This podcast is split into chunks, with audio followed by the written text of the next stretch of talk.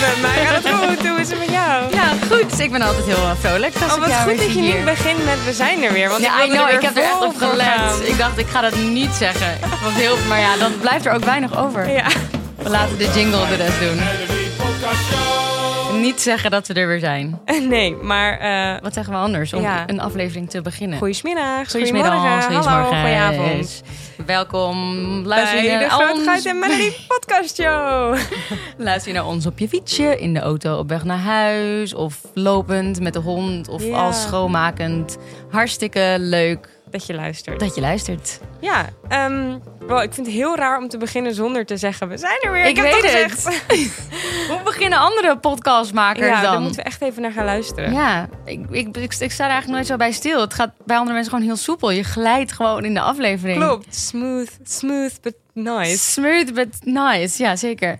Ehm, maar we Ehm, zijn er wel weer. En we beginnen deze keer leuk, vind Ja. ik zelf. Want we kregen een mailtje van... Want normaal beginnen we altijd Ja, heel- stom. Nee. We kregen een mailtje van Sophie de Witte dat ze de iPitch zo mist. En toen dachten we, oh, we hebben dat helemaal nooit eigenlijk uitgelegd. We hebben inderdaad in het eerste seizoen altijd een iPitch gedaan... waarin Mel en ik een tip van de dag geven.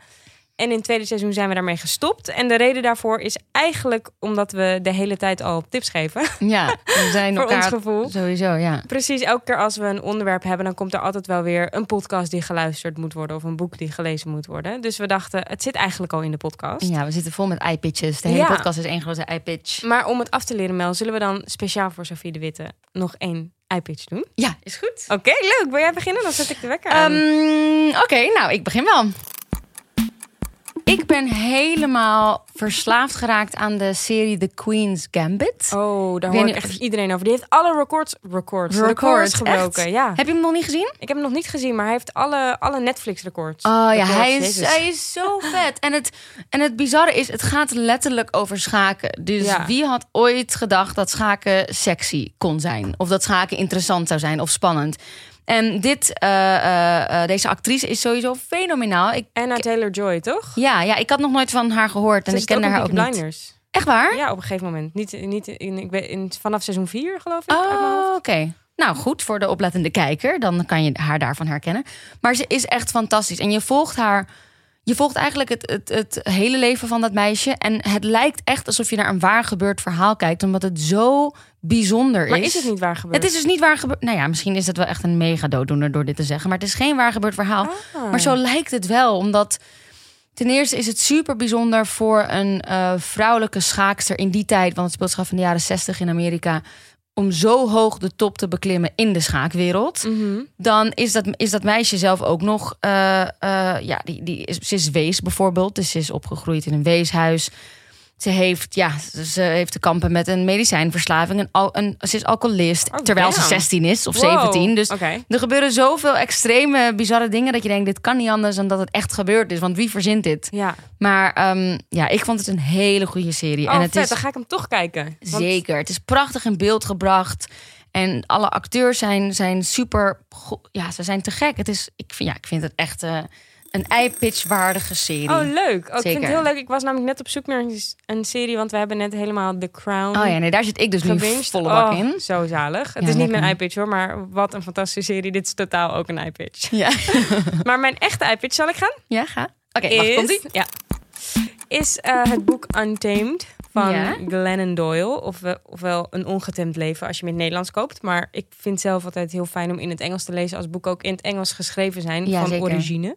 Dus als jij dat ook vindt, dan laat ik hem in het Engels aan. Het is ook niet ingewikkeld Engels. Nee. En het is heel vet, want Glennon Doyle, daar heb ik ooit al van aangeraden Love Warrior. Wat echt een prachtig boek is, een memoir over haar leven. En dit is dat ook weer.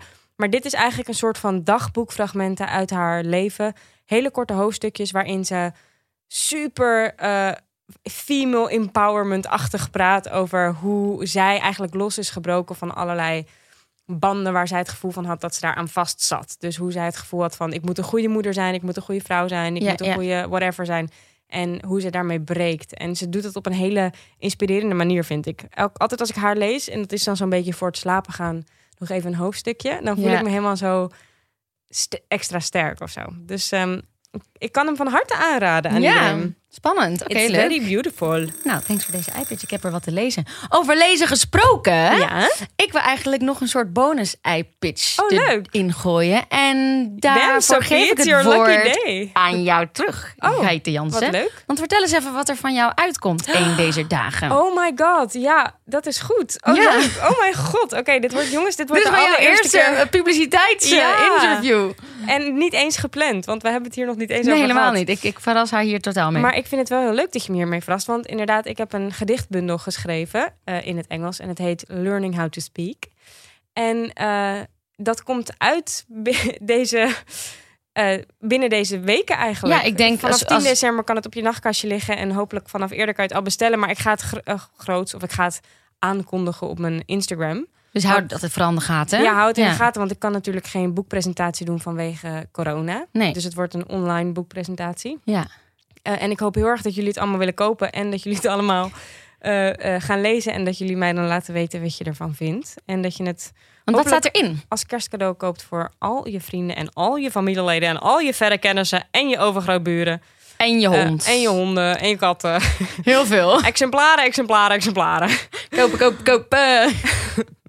Ja, en wat staat erin? Het zijn gedichtjes die ik zelf geschreven heb. Korte gedichtjes, volgens mij helemaal niet pretentieus in de zin van volgens mij niet moeilijk om te lezen, ehm, maar heel mega eerlijk. Ik heb nog nooit in mijn leven denk ik iets zo eh, puurs gepubliceerd, om het maar even zo te noemen. It's, very, very honest en het is heel... eh, ehm, ja, het voelt een beetje alsof ik eh, met mijn reet op televisie kom. Behalve dat ik daaraan gewend ben en hier niet. Ja, precies.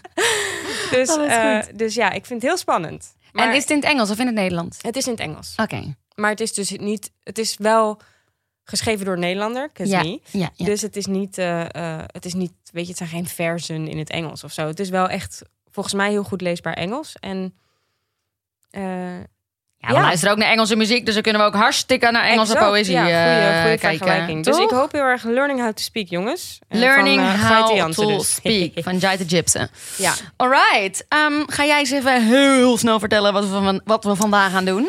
Ja, dames en heren, we gaan vandaag natuurlijk weer even. eh, we gaan weer een van mijn favoriete dingen doen. Eh, en waar we heel veel aanvragen op hebben gekregen Ja. vanaf het eerste seizoen, wat super leuk is. Dat is wel echt eh. Heel veel mailtjes naar onze gezamenlijke mail. Dat is de grote podcastshow dagenacht.nl. Maar Ik ben altijd in- zo blij dat jij dat zegt, want mij lukt dat gewoon. Ik heb het één keer geprobeerd, jongens, dat ging niet. De grote geiten, de, de, de pod, de, de, ge- de geiten, take it away, please.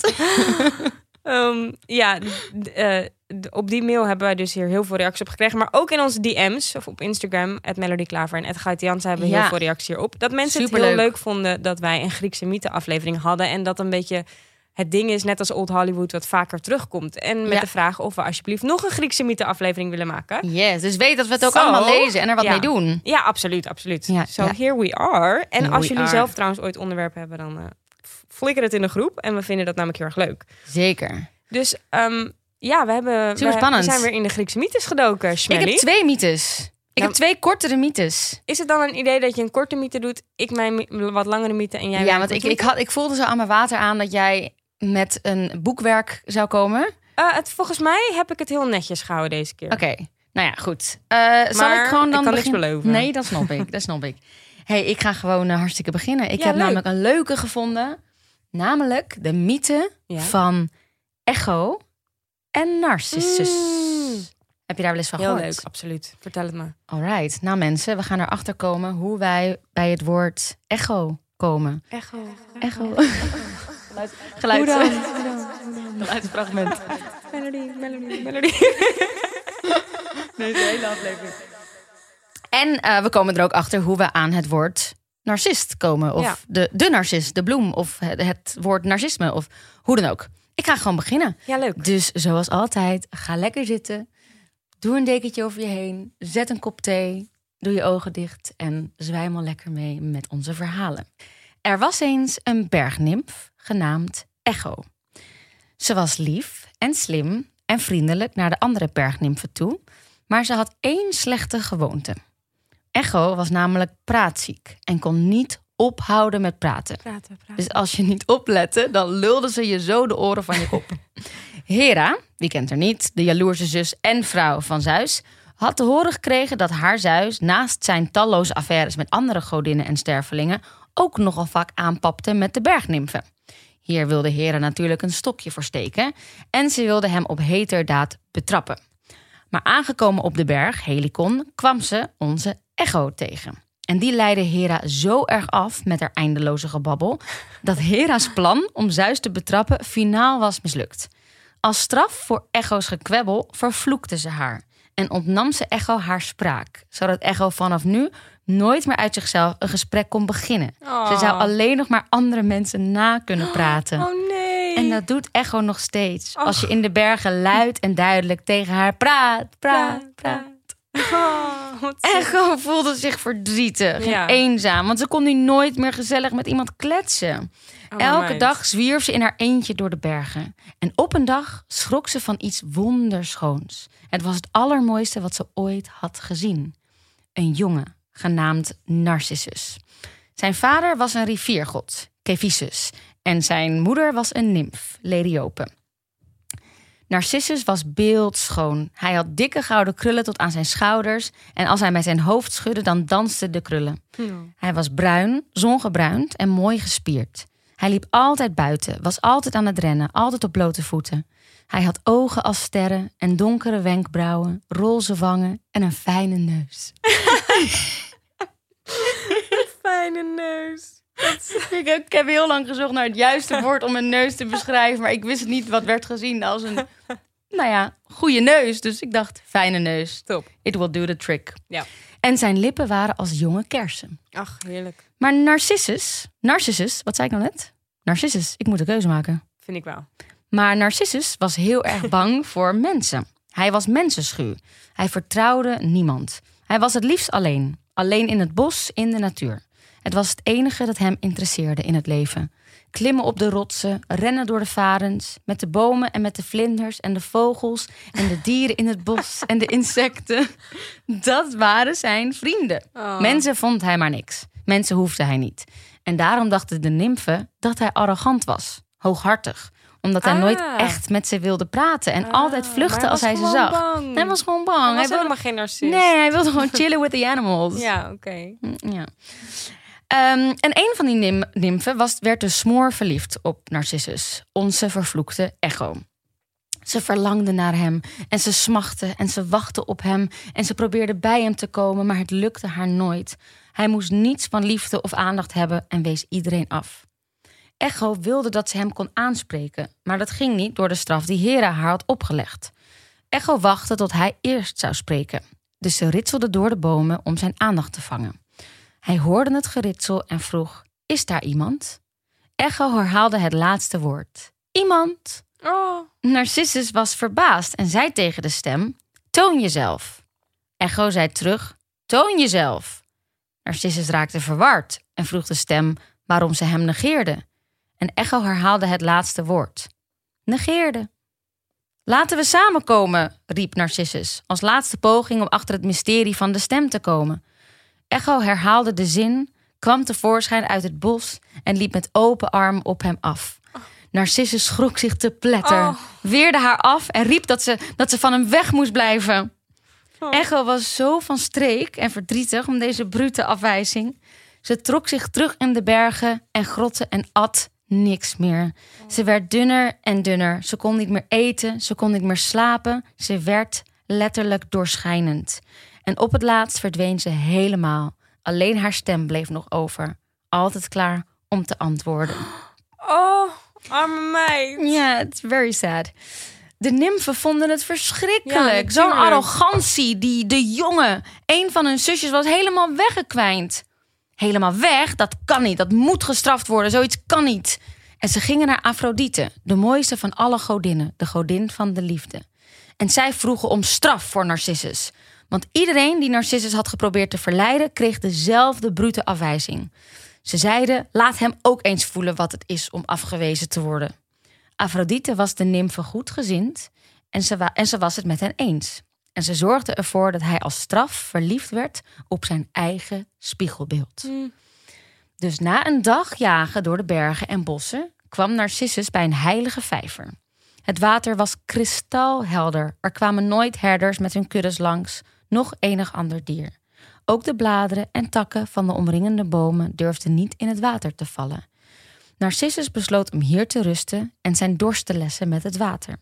Toen hij bij de rand van de vijver kwam en voorover boog om zijn hand in het water te steken, zag hij voor het eerst in zijn leven zijn eigen spiegelbeeld.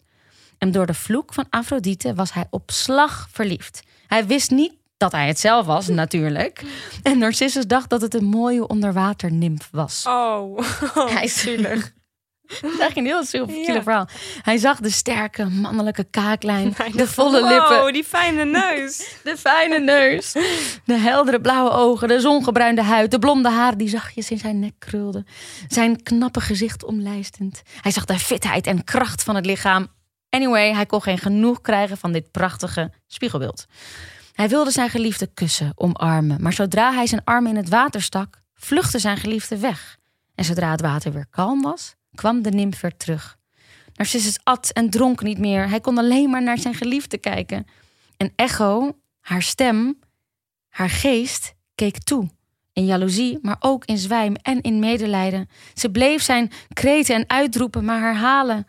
Maar na een lange tijd van onbeantwoorde liefde van zijn spiegelbeeld verkommerde ook Narcissus. Hij verloor de kleur in zijn gezicht. De fitheid van zijn lichaam verdween. En alle schoonheid waar Echo voor gevallen was, was verloren gegaan. Narcissus stierf aan de rand van de vijver. De nimfen hoorden wat er was gebeurd en ze schrokken. Maar dat, dat bedoelden we ook niet, zeiden ze. Dat gaat ons veel te ver, dat hoeft helemaal niet. We wilden een straf, maar nu is hij dood. Dat, dat, dat, dat is ook een beetje, dat gaat ook te ver. Zo'n jongen, hij was zo mooi en zo jong. Nee, dat, dat, dat, wat kunnen we doen? Ja. Maar er was niks meer te doen. Dus toen voelde de... ja. Het is niet erg vaak een happy ending met zo'n mythe. Nee. Dus toen voelden de nimfen zich verplicht tot een plechtige begrafenis. En ze gingen naar de vijver. Ze zochten naar het dode lichaam van Narcissus, maar ze konden het niet vinden. Het enige dat ze vonden in het gras bij de bron was een prachtige gele bloem met een lange sierlijke steel. Een zonnegele bloem met een hartje. Een narcis. De narcis. Oh, wat mooi. Applaus voor jezelf. Oh, en wat sommige mooi. verhalen zeggen dat Afrodite medelijden met hem kreeg en hem in de bloem had veranderd, die Ja. voor eeuwig zijn naam zou dragen. Ja. En je hebt ook verhalen die melden, die vond ik wel geinig, dat Narcissus zelfs bij het varen over de onderwaar, onder, onderwereldrivier, de Styx, nog naar zijn spiegelbeeld keek. Oh.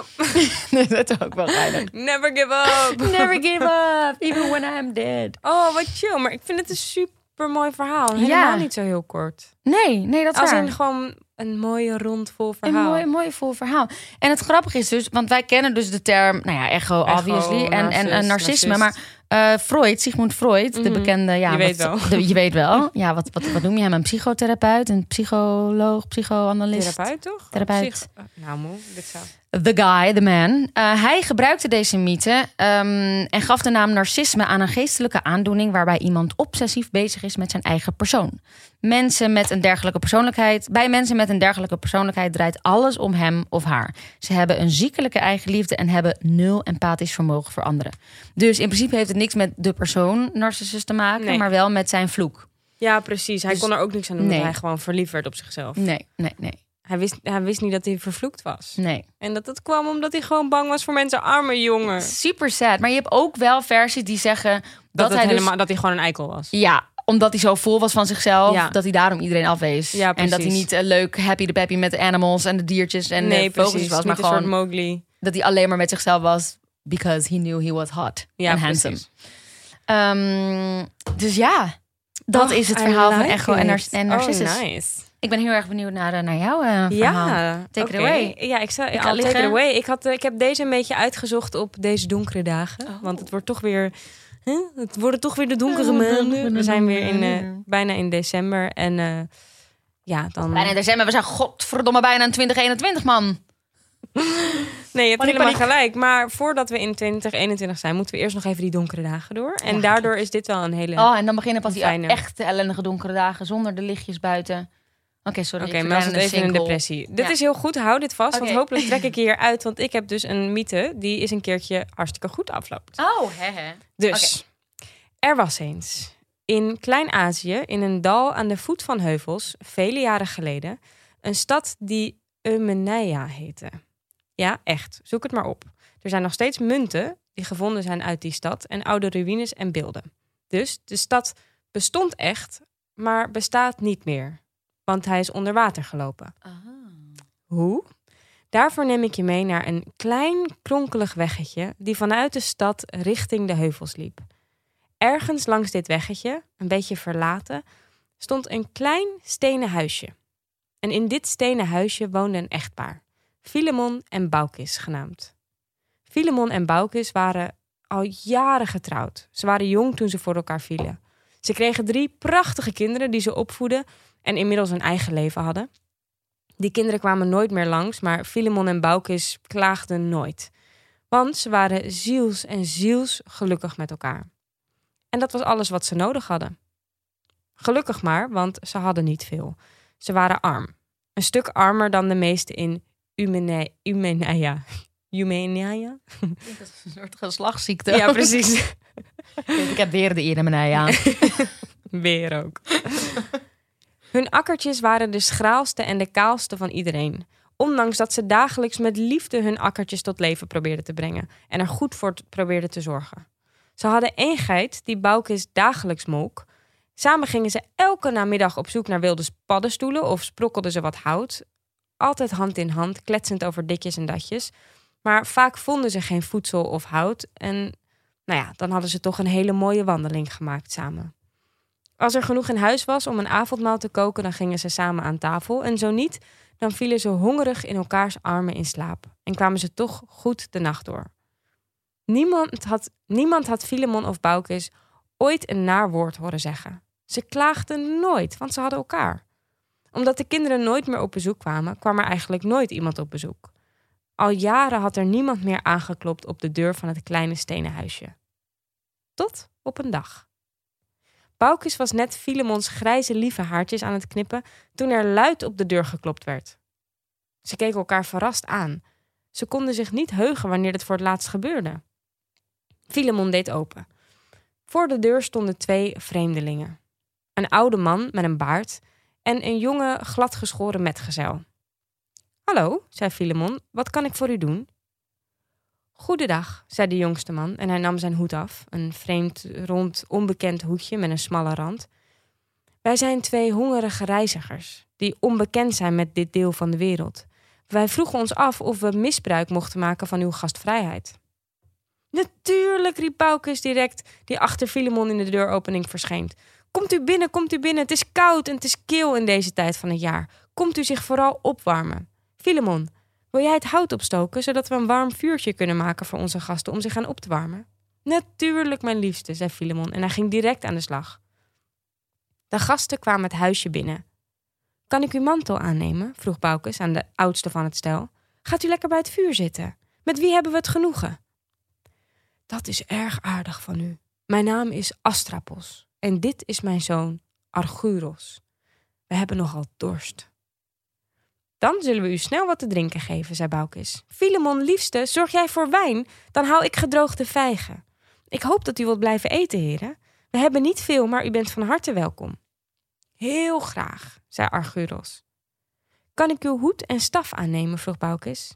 Nee, bedankt, die houd ik liever bij me. Argyros, de jonge man, hield zijn staf stevig vast. Dit zag er wel wat vreemd uit, dacht Baukis, want die staf die versiering die lijkt wel levend, dacht ze. Maar meteen wuifde ze haar gedachten weg en ze ging aan de slag om te kijken of er nog voedsel in huis was. Filemon kwam aanlopen met de wijn. Ik hoop dat de wijn nu smaakt. Uit deze streek is de wijn soms wat waterig of een beetje zuur, maar als u eenmaal aan de smaak gewend bent, dan is hij goed te drinken, vinden wij. Ondertussen kwam Boukes aan met de gedroogde vijgjes. Al snel was het gezelschap aan elkaar gewend en maakte de lichte ongemak van de eerste ontmoeting plaats voor hartelijk gelach en mooie verhalen. Alleen Astrapos maakte een wat treurige indruk. Neemt u mij niet kwalijk, zei Filemon tegen Astrapos, maar u lijkt ergens over in te zitten. Is er iets waarmee we u kunnen helpen? Oh, let niet op hem, zei Argyros. Er mankeert hem niets wat een goede maaltijd niet kan verhelpen. Baukis en Filemon wisselden een blik. Een goede maaltijd, dat dat hadden ze niet in huis. Ze hadden een, een heel klein stukje gezout spek, Maar dat hadden ze bewaard voor het midwinterfeest. Ze hadden wat gedroogd fruit, een heel klein sneetje roggebrood en een halve kool. Maar ze wisten dat ze zeker een week lang honger zouden moeten lijden als ze de eetlust van twee zulke grote mannen moesten stillen. Maar gastvrijheid was een heilige plicht. En dus was wat de gast behoefde veel belangrijker dan hun eigen behoeften. Ik wil nog wel een glaasje wijn, zei Argeros. Oh, jeetje, het spijt me verschrikkelijk, maar ik, ik ben bang dat de wijn op is, zei Filemon, terwijl hij in de kan keek. Wel nee, zei Argeros, die de kan overnam en zichzelf een groot glas inschonk, en daarna die van Astrapos. Willen jullie ook nog een glaasje? Oh, nee hoor, nee, nee, nee, wij hoeven niet, zei Boukes. Als er nog wat in zit, neemt u het maar. Onzin, zei hij, en hij schenk, schonk beide bekers vol. Dat was vreemd, dachten Boukes en Filemon, die kan was toch leeg? En daarnaast smaakte de wijn ook overheerlijk. Veel lekkerder dan eerst. Ach, het zal wel liggen aan het gezelschap dat de wijn zoeter smaakt dan anders. Nadat ze genoten van het volle glas wijn, fluisterde Filemon in het oor van Boukes: Schat, die gans die wij volgende maand zouden offeren, misschien kunnen we die vast aan onze gasten te eten geven. Godin Hestia, aan wie we de gans zouden offeren, die zal het vast begrijpen. Goed idee, zei Boukes, ik ga hem meteen slachten. En ze ging naar buiten om de gans te slachten. Maar de gans liet zich met geen mogelijkheid vangen, wat Boukes ook probeerde. De gans bleef haar maar ontglippen.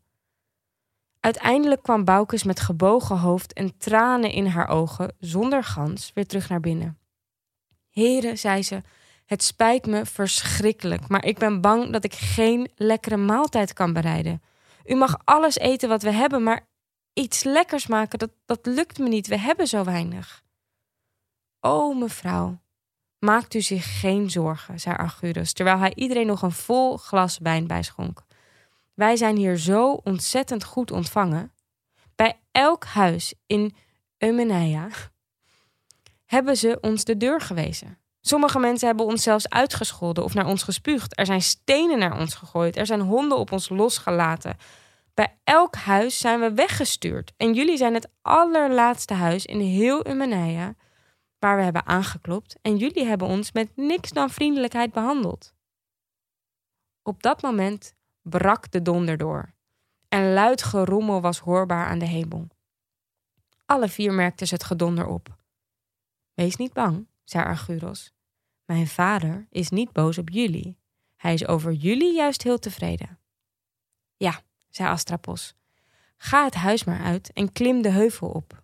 Jullie verdienen een beloning, maar jullie buren verdienen een straf. Kijk maar niet om. We willen jullie geen verdriet doen. En dus liepen Boukes en Filemon hand in hand het huis uit. Ze wilden nog een kleine buiging maken, maar Astrapos hield hen tegen. Een buiging is niet nodig. Ga maar naar de top van de heuvel. Samen liepen Boukes en Filemon richting de top van de heuvel. Buiten was de donder inmiddels losgebroken en het regende en het stormde. Het was een zware klim voor twee oude mensen. Begrijp je wie die jongen was? zei Filemon, toen hij, hij en Boukes bijna bij de top waren. Ja, zei Boukes. Ik zag het toen hij de deur voor ons opendeed om ons naar buiten te laten. De versiering om zijn staf, dat waren levende slangen die om zijn staf gekronkeld zaten. Dus die man, die hij zijn vader noemde, dat was Zeus. Filemon en Boukes hielden elkaar goed vast. Ze waren inmiddels op de top van de heuvel aanbeland. Het water gutste inmiddels met bakken uit de hemel. We kunnen hier toch niet gewoon in de regen blijven staan met onze rug naar de stad, zei Boukes. Maar we mochten niet kijken van Hermes, zoon van Zeus, zei Filemon. Maar als jij kijkt, dan kijk ik ook. Ik hou van je liefste Filemon. Ik hou van jou, liefste Boukes.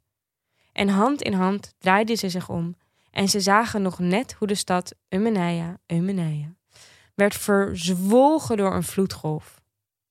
En toen veranderde Filemon langzaam in een eik en Boukes langzaam in een lindeboom, hun takken verstrengeld in elkaar. En nog na honderden jaren staan ze daar zo. Oh. Twee bomen, zij aan zij, in elkaar verstrengeld. Ze zijn een symbool van eeuwige liefde en nederige medemenselijkheid. En, naar het schijnt, worden ze nog altijd bezocht door pelgrims die hen bewonderen aanbidden en behangen met geschenken. Ja, want die bomen die zullen er echt staan. Ja, die, die staan er gewoon echt. Op de top van de berg in elkaar verstrengeld een eiken en lindenboom.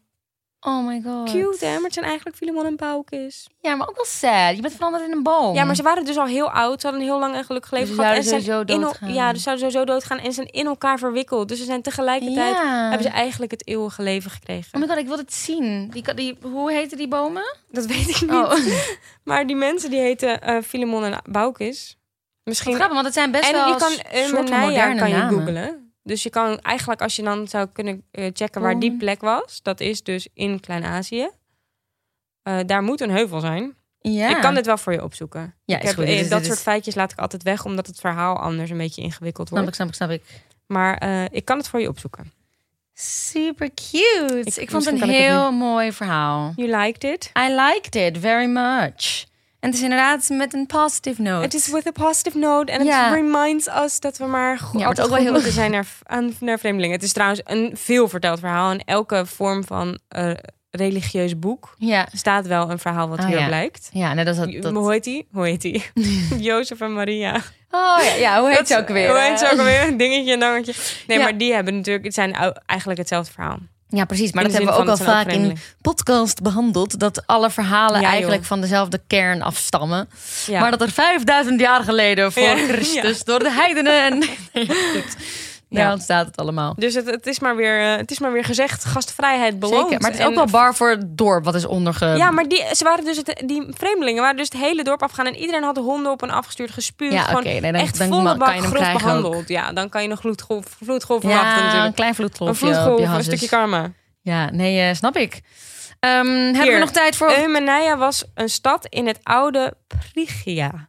Jeetje. Gelegen aan de rivier de Glaucus. Aan Oh. de weg van Dorilaeum en Apame, Apameia. Zo, nou, Nou ja. ga er maar staan. Nou, schat, eh, zoek jij de noord- en de zuidgraden van dat ding op. En dan daar ongeveer staan die eigendeel in. Ik ga wel even met mijn kompas op Ja. zoek naar de... En maar wandelen naar en Filemon. Helemaal top. hey, ik denk dat we nog een tijd hebben voor een wat kleinere mythe. Ja, ik, heb, ik heb een wat, wat knoptere, maar Ja, neem niet weg dat het een net zo belangrijk en bekende is. Want heb jij wel eens gehoord over Pandora's Box? Oh, yes girl. Ja, maar ik You ook. do not want to open the box. You do not want to open the box, maar ook weer Want wel. als je Pan- Pandora's box wordt toch gezegd van... Yo, als we die, als we die eh, dat, dat zwarte kistje openen, dan, dan komt er toch een hoop ellende uit. Dat willen we niet. Ja, dus klopt. die box, box houden we of op slot, maar als je in therapie gaat, doe je die box juist open, toch? Ja, zeker. Maar je hebt ook bijvoorbeeld heel veel Pandora dat voor, voor eh, positiviteit staan. Want je hebt ook Oh. het merk Pandora. Nou, echt niet dat, toch met die sieraden. Is dat Pandora? Ja, dat heet Pandora. En ik denk echt niet dat zij een soort. Ja. Dat, dat, dat, en, en het heet ook letterlijk eigenlijk Pandora, draagster van alle gaven. De albegaafde heet Pandora. Oh, oké. En ik, eh, een, een vriend van mij die, die noemt mij altijd heel liefkozend. Oh, jij bent echt Pandora's box. En daar bedoelt Oh. hij mee, je zit vol verrassingen. Oh, en toen las ik het ook, dacht ik, hè, maar dat is, het is heel wat negatief. voor verrassingen. Het is niet vol verrassingen, het is vol ellende. Maar inderdaad, dus ik zat ook al in, in twijfel van... Hé, wat is het nou eigenlijk? Ja. Ik ken de, Oh, naam, ik ken de term... maar ik weet niet echt waar het vandaan Nee, komt. ik ben het ook totaal dus ik ga het nu gewoon, eh, Ja, gewoon leuk. hartstikke vertellen. Nou, in de Griekse mythologie, want daar Ja. gaat het tenslotte over... vervult Pandora een bijzondere rol. Ze Mhm. is namelijk de eerste menselijke vrouw. Wat? Ja, Kap. ja. Pandora is de eerste vrouw. Hè? Yup. En zij is door de god Hephaïstos gevormd uit water en aarde om de mensheid te straffen. Haar naam betekent draagster van alle gaven. Goed, de mythe komt ie. In de mythe van de doos van Pandora speelt Prometheus een hoofdrol. Prometheus? Prometheus, Prometheus, Prometheus? Prometheus? En Ja, Hephaestus? Ja, schat. eh, Ja, weten wij zeg veel. jij het? Hephaïstos? Hephaestus dacht ik en Prometheus, maar whatever. Prometheus. Zal ik Hoe- zeggen Prometheus? Prometheus. Zeg maar wat je wil, het maakt niet uit. Het is Oh zo God, lang geleden als helemaal iemand in er de waar heeft, eh, in, in pacht heeft. Komen hiervan. Nee, Oké. doe je eigen namen. Pro Prometheus. Nu ben ik helemaal door. Prometheus. Prometheus. Prometheus, Ah! ja. In de mythe van de doos van Pandora speelt Prometheus een hoofdrol. Namelijk, op het begin der tijden, het aller, aller begin der beginselen, voordat Ja. er überhaupt nog mensen bestonden, heerste er oorlog.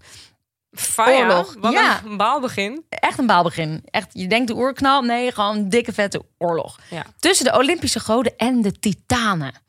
In de oorlog tussen de Olympische goden en de titanen kozen enkele titanen de kant van de tegenpartij van de Olympiërs. En een van hen was Prometheus, wat letterlijk vooruitdenken betekent. Hij voorzag namelijk dat Zeus de strijd ging winnen en was dus zo slim om diens kant te kiezen. Ah, Na kijk, de strijd, een overloper. Ja, een overloper eigenlijk. Smart, smart one. Een, een, een slimme overloper. Ja. Na de strijd beloonde Zeus de Titaan door hem toestemming te geven verschillende levensvormen voor de aarde te scheppen. Prometheus maakte met toestemming van de oppergod eerst dieren en daarna besloot hij ook rechtopstaande figuren te maken, de mens, naar het voorbeeld van de goden. Zonder dit te overleggen met Zeus besloot Prometheus, Prometheus de mens hierna ook de levensadem in te blazen. Zeus was ontstemd en volgens sommige lezingen was het bedrog van Prometheus er de reden van dat de oppergod überhaupt niet veel moest hebben van de mens. Goed, Prometheus had wel het beste voor met de mens en roofde voor hen het vuur uit de hemel.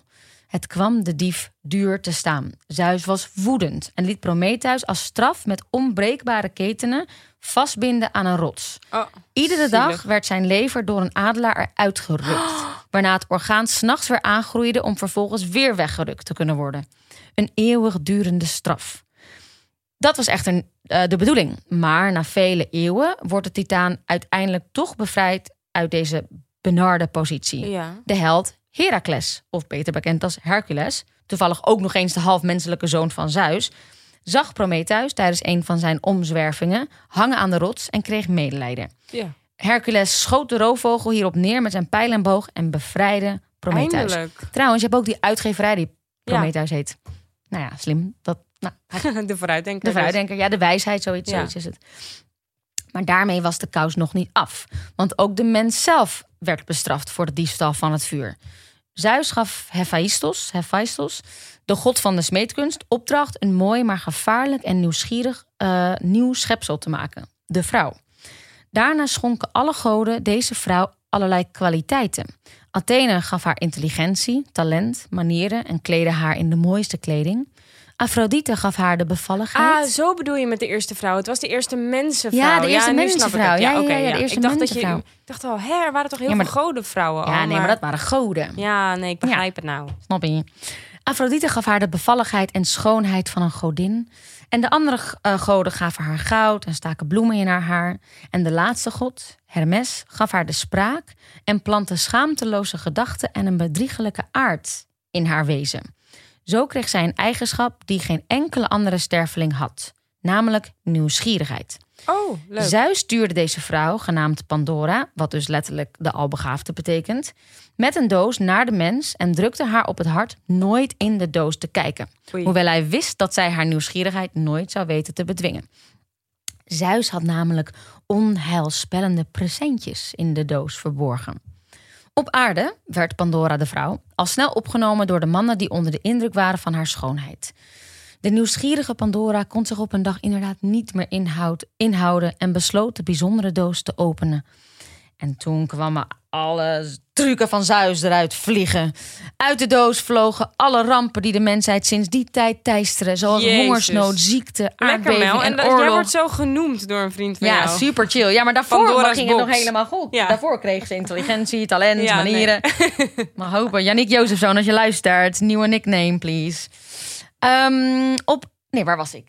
Ehm, Die doos ging open en die kwam doos ging open. uit voor de hele wereld. Voor Precies. altijd en altijd. Het onheil verspreidde zich bliksemsnel onder de mensen... die tot die tijd vrij van problemen en ziekten hadden geleefd. Jeetje, wat pech. Geschrokken sluit Pandora de doos weer. Maar alleen de hoop zat nog in de doos toen deze weer gesloten werd. En het was de enige goede gift die in de doos verborgen zat. En daarmee wordt verklaard waarom mensen in tijden van ellende en ongeluk slechts één ding hebben om voor te leven. En dat is de hoop. Oh, dat is mooi. Dat is dan wel weer mooi. Ja. Weet je wat ik faya vind? Niet alleen aan. Griekse mythes, maar gewoon live en alle religies op aarde. De vrouw. De, de vrouw is Yep. altijd een soort van de boosdoener I en de brenger van het kwaad. Fuck die shit. I Sowieso know. is het bullshit. Sowieso was dit natuurlijk een man. Zeker, dat is gewoon Pam. Want ja, het was gewoon Pan. En Dora, die, die zat ernaast. En Dora zei, dacht, ja, nee, maak nou die niet. box nou niet open. En Pan zei, je moet je mijl houden, want je bent een vrouw. Ik ga Ja. het lekker wel doen. Zeker. En Dora dacht, de takken. En ik heb hier nog jaren niks over te zeggen. En Pan maakte die box open. En toen kwam de ellende. I know. Sterker nog, wat je nu zegt, mensen zien het verhaal ook eh, soms als symbool voor de zondeval. Want het wordt ook gezien als een post-christelijk beeld van de Bijbelse zondeval. Ja. En, en, en in beide gevallen wordt inderdaad de nieuwsgierigheid van de vrouw de mensheid noodlottig. Want ja, maar Eva die snoept ook Eva van een boom. die is ook degene die Adam zegt weer nee, doe het niet Eve. Ja. En Eve denkt weer give me the apple. Ja. En de, en de ellende begint. Zeg maar eh, voor alle jonge vrouwen out there. Don't buy this shit. Maar het zijn wel hele mooie verhalen. Maar denk niet dat het echt vrouwen zijn. Nee, ja. Of wij brengen gewoon wat leven in de brouwerij. Ja, of inderdaad, zo kan je het ook zien. Anders of is de wereld ook maar saai als er niks is. Precies. Ja, zo is het ook weer Als zo. er niks dan ellende is, waar leven we dan voor? Ja joh. Nou ja, dat, Boring. dat, dat is plat gezegd, maar Ja, oké. snap je, er moet, er moet yin en yang zijn, inderdaad. Ja. Oh. Help, Zeus. Hele heftige quote. Ja. Save our souls. we're, we're just people. nee, Nee. maar eh, ik vind wel, eh, wel een hele leuke, want ik was die totaal vergeten. Ja, en we weten nu in ieder geval waar we het over hebben als we het over Pandora's Box Maar wacht, hebben. het enige wat ik nog niet helemaal begrijp, Ja, was waarom... Hoe heet die nou? thuis, Nee, die vast zat en zijn leven werd elke dag... Promete- Prometheus. Ja, wat die nou te maken heeft met Pandora. Jawel, omdat hij werd gestraft omdat Ja. hij het vuur had gejat voor de mensen. Ja, Maar de mensheid werd zelf ook gestraft, namelijk in de vorm van Pandora. Pandora is met die doos naar de mensheid gestuurd. ah, zo, zo, zo, zo, zo, ik begrijp het. Maar inderdaad, goed dat je het zegt, want dat is wel goed om eh, te bedenken. Dus Zeus dacht, oké, Prometheus, Prometheus, eh, dat is zijn straf. En nu gaan we de mensen ook straffen. Allemaal leuk en aardig dat ze dat vuur hebben gekregen van ons. Want met vuur konden mensen natuurlijk van alles. Maar dan gaan we er ook voor zorgen dat jullie gewoon er wat ellende bij krijgen. Ja, mits Pandora niet in de box kijkt. Maar Ja. Pandora dacht natuurlijk. Tuurlijk, maar hij had juist iedereen, alle goden gevraagd van... oh, schenk haar wat, schenk Ja, haar wat. ja. En eh, Hermes die dacht, nou oké, dan ga ik er zeker wat schenken. Namelijk eh, Nieuwsgierigheid. schaamteloze gedachten bitch. en een bedriegelijke aard en precies. spraak. En toen nieuwsgierigheid. En ja, en dan En de eh, rest is geschiedenis. en de rest is geschiedenis. Oh, ik vond het weer heerlijk. Ik ook, Ik heb weer het gevoel dat de tijd gevlogen is. Is het ook? Wat het ook is. zeker. Ehm, Gaan we afscheid nemen? Daar moeten we ook maar eens een keer een mythe over doen. Over hoe de tijd kan vliegen. Oh my god, dat, dat zal er vast That would be zijn. nice. Ja, laten we afscheid nemen, denk ik, toch? Ja, zeker. En dan eh, eh, afspreken dat wij gewoon weer een aflevering gaan maken. ja, Maar en dat ze er dan niet- weer zullen zijn. ja, dan zullen we er weer zijn. Maar niet zonder jullie. Want we Ja. hebben jullie wel nodig. Absolutely. aangaande dit tweede seizoen. Want we vinden het superleuk als jullie dus ons mailen naar Ja. de grote podcastshow dagenacht.nl Yes. of in onze DM sliden ehm, en dan met onderwerp komen. Of dingen die jullie op aanmerkingen. We vinden het allemaal superleuk om te lezen. Dus Zeker. ehm Right, blijf thanks lieve luisteraars. Ja. En, En we- blijf vooral met ons wandelen, fietsen, Oh schoonmaken, ja, en dingen wat wij dus nooit doen is zeggen word lid en al die oh ja, I know. Maar doe het, like, subscribe, word lid, al die ellende. Want Oh, het wat ding erg, is... dat doen we gewoon nooit. Dat is Nee, heel belangrijk. Ja, nou ja, het is Toch? Jawel, dat is wel belangrijk. Dus we Ja, mochten d- echt door willen gaan met deze podcast, dan is dat heel belangrijk. Dus wil jij dat wij echt een Ja, bestaan ja. krijgen met deze podcast? Zorg dan ook even dat al Wil je dat wij een bestaansrecht Ja. krijgen met deze Ja, podcast? precies. Dan ja, eh, like, subscribe en geef het door en deel het rechts gaat voor. Inderdaad. Nou, Goeie. Alright, nou tot eh, volgende week, Ja. lieve luisteraars. Doei doei!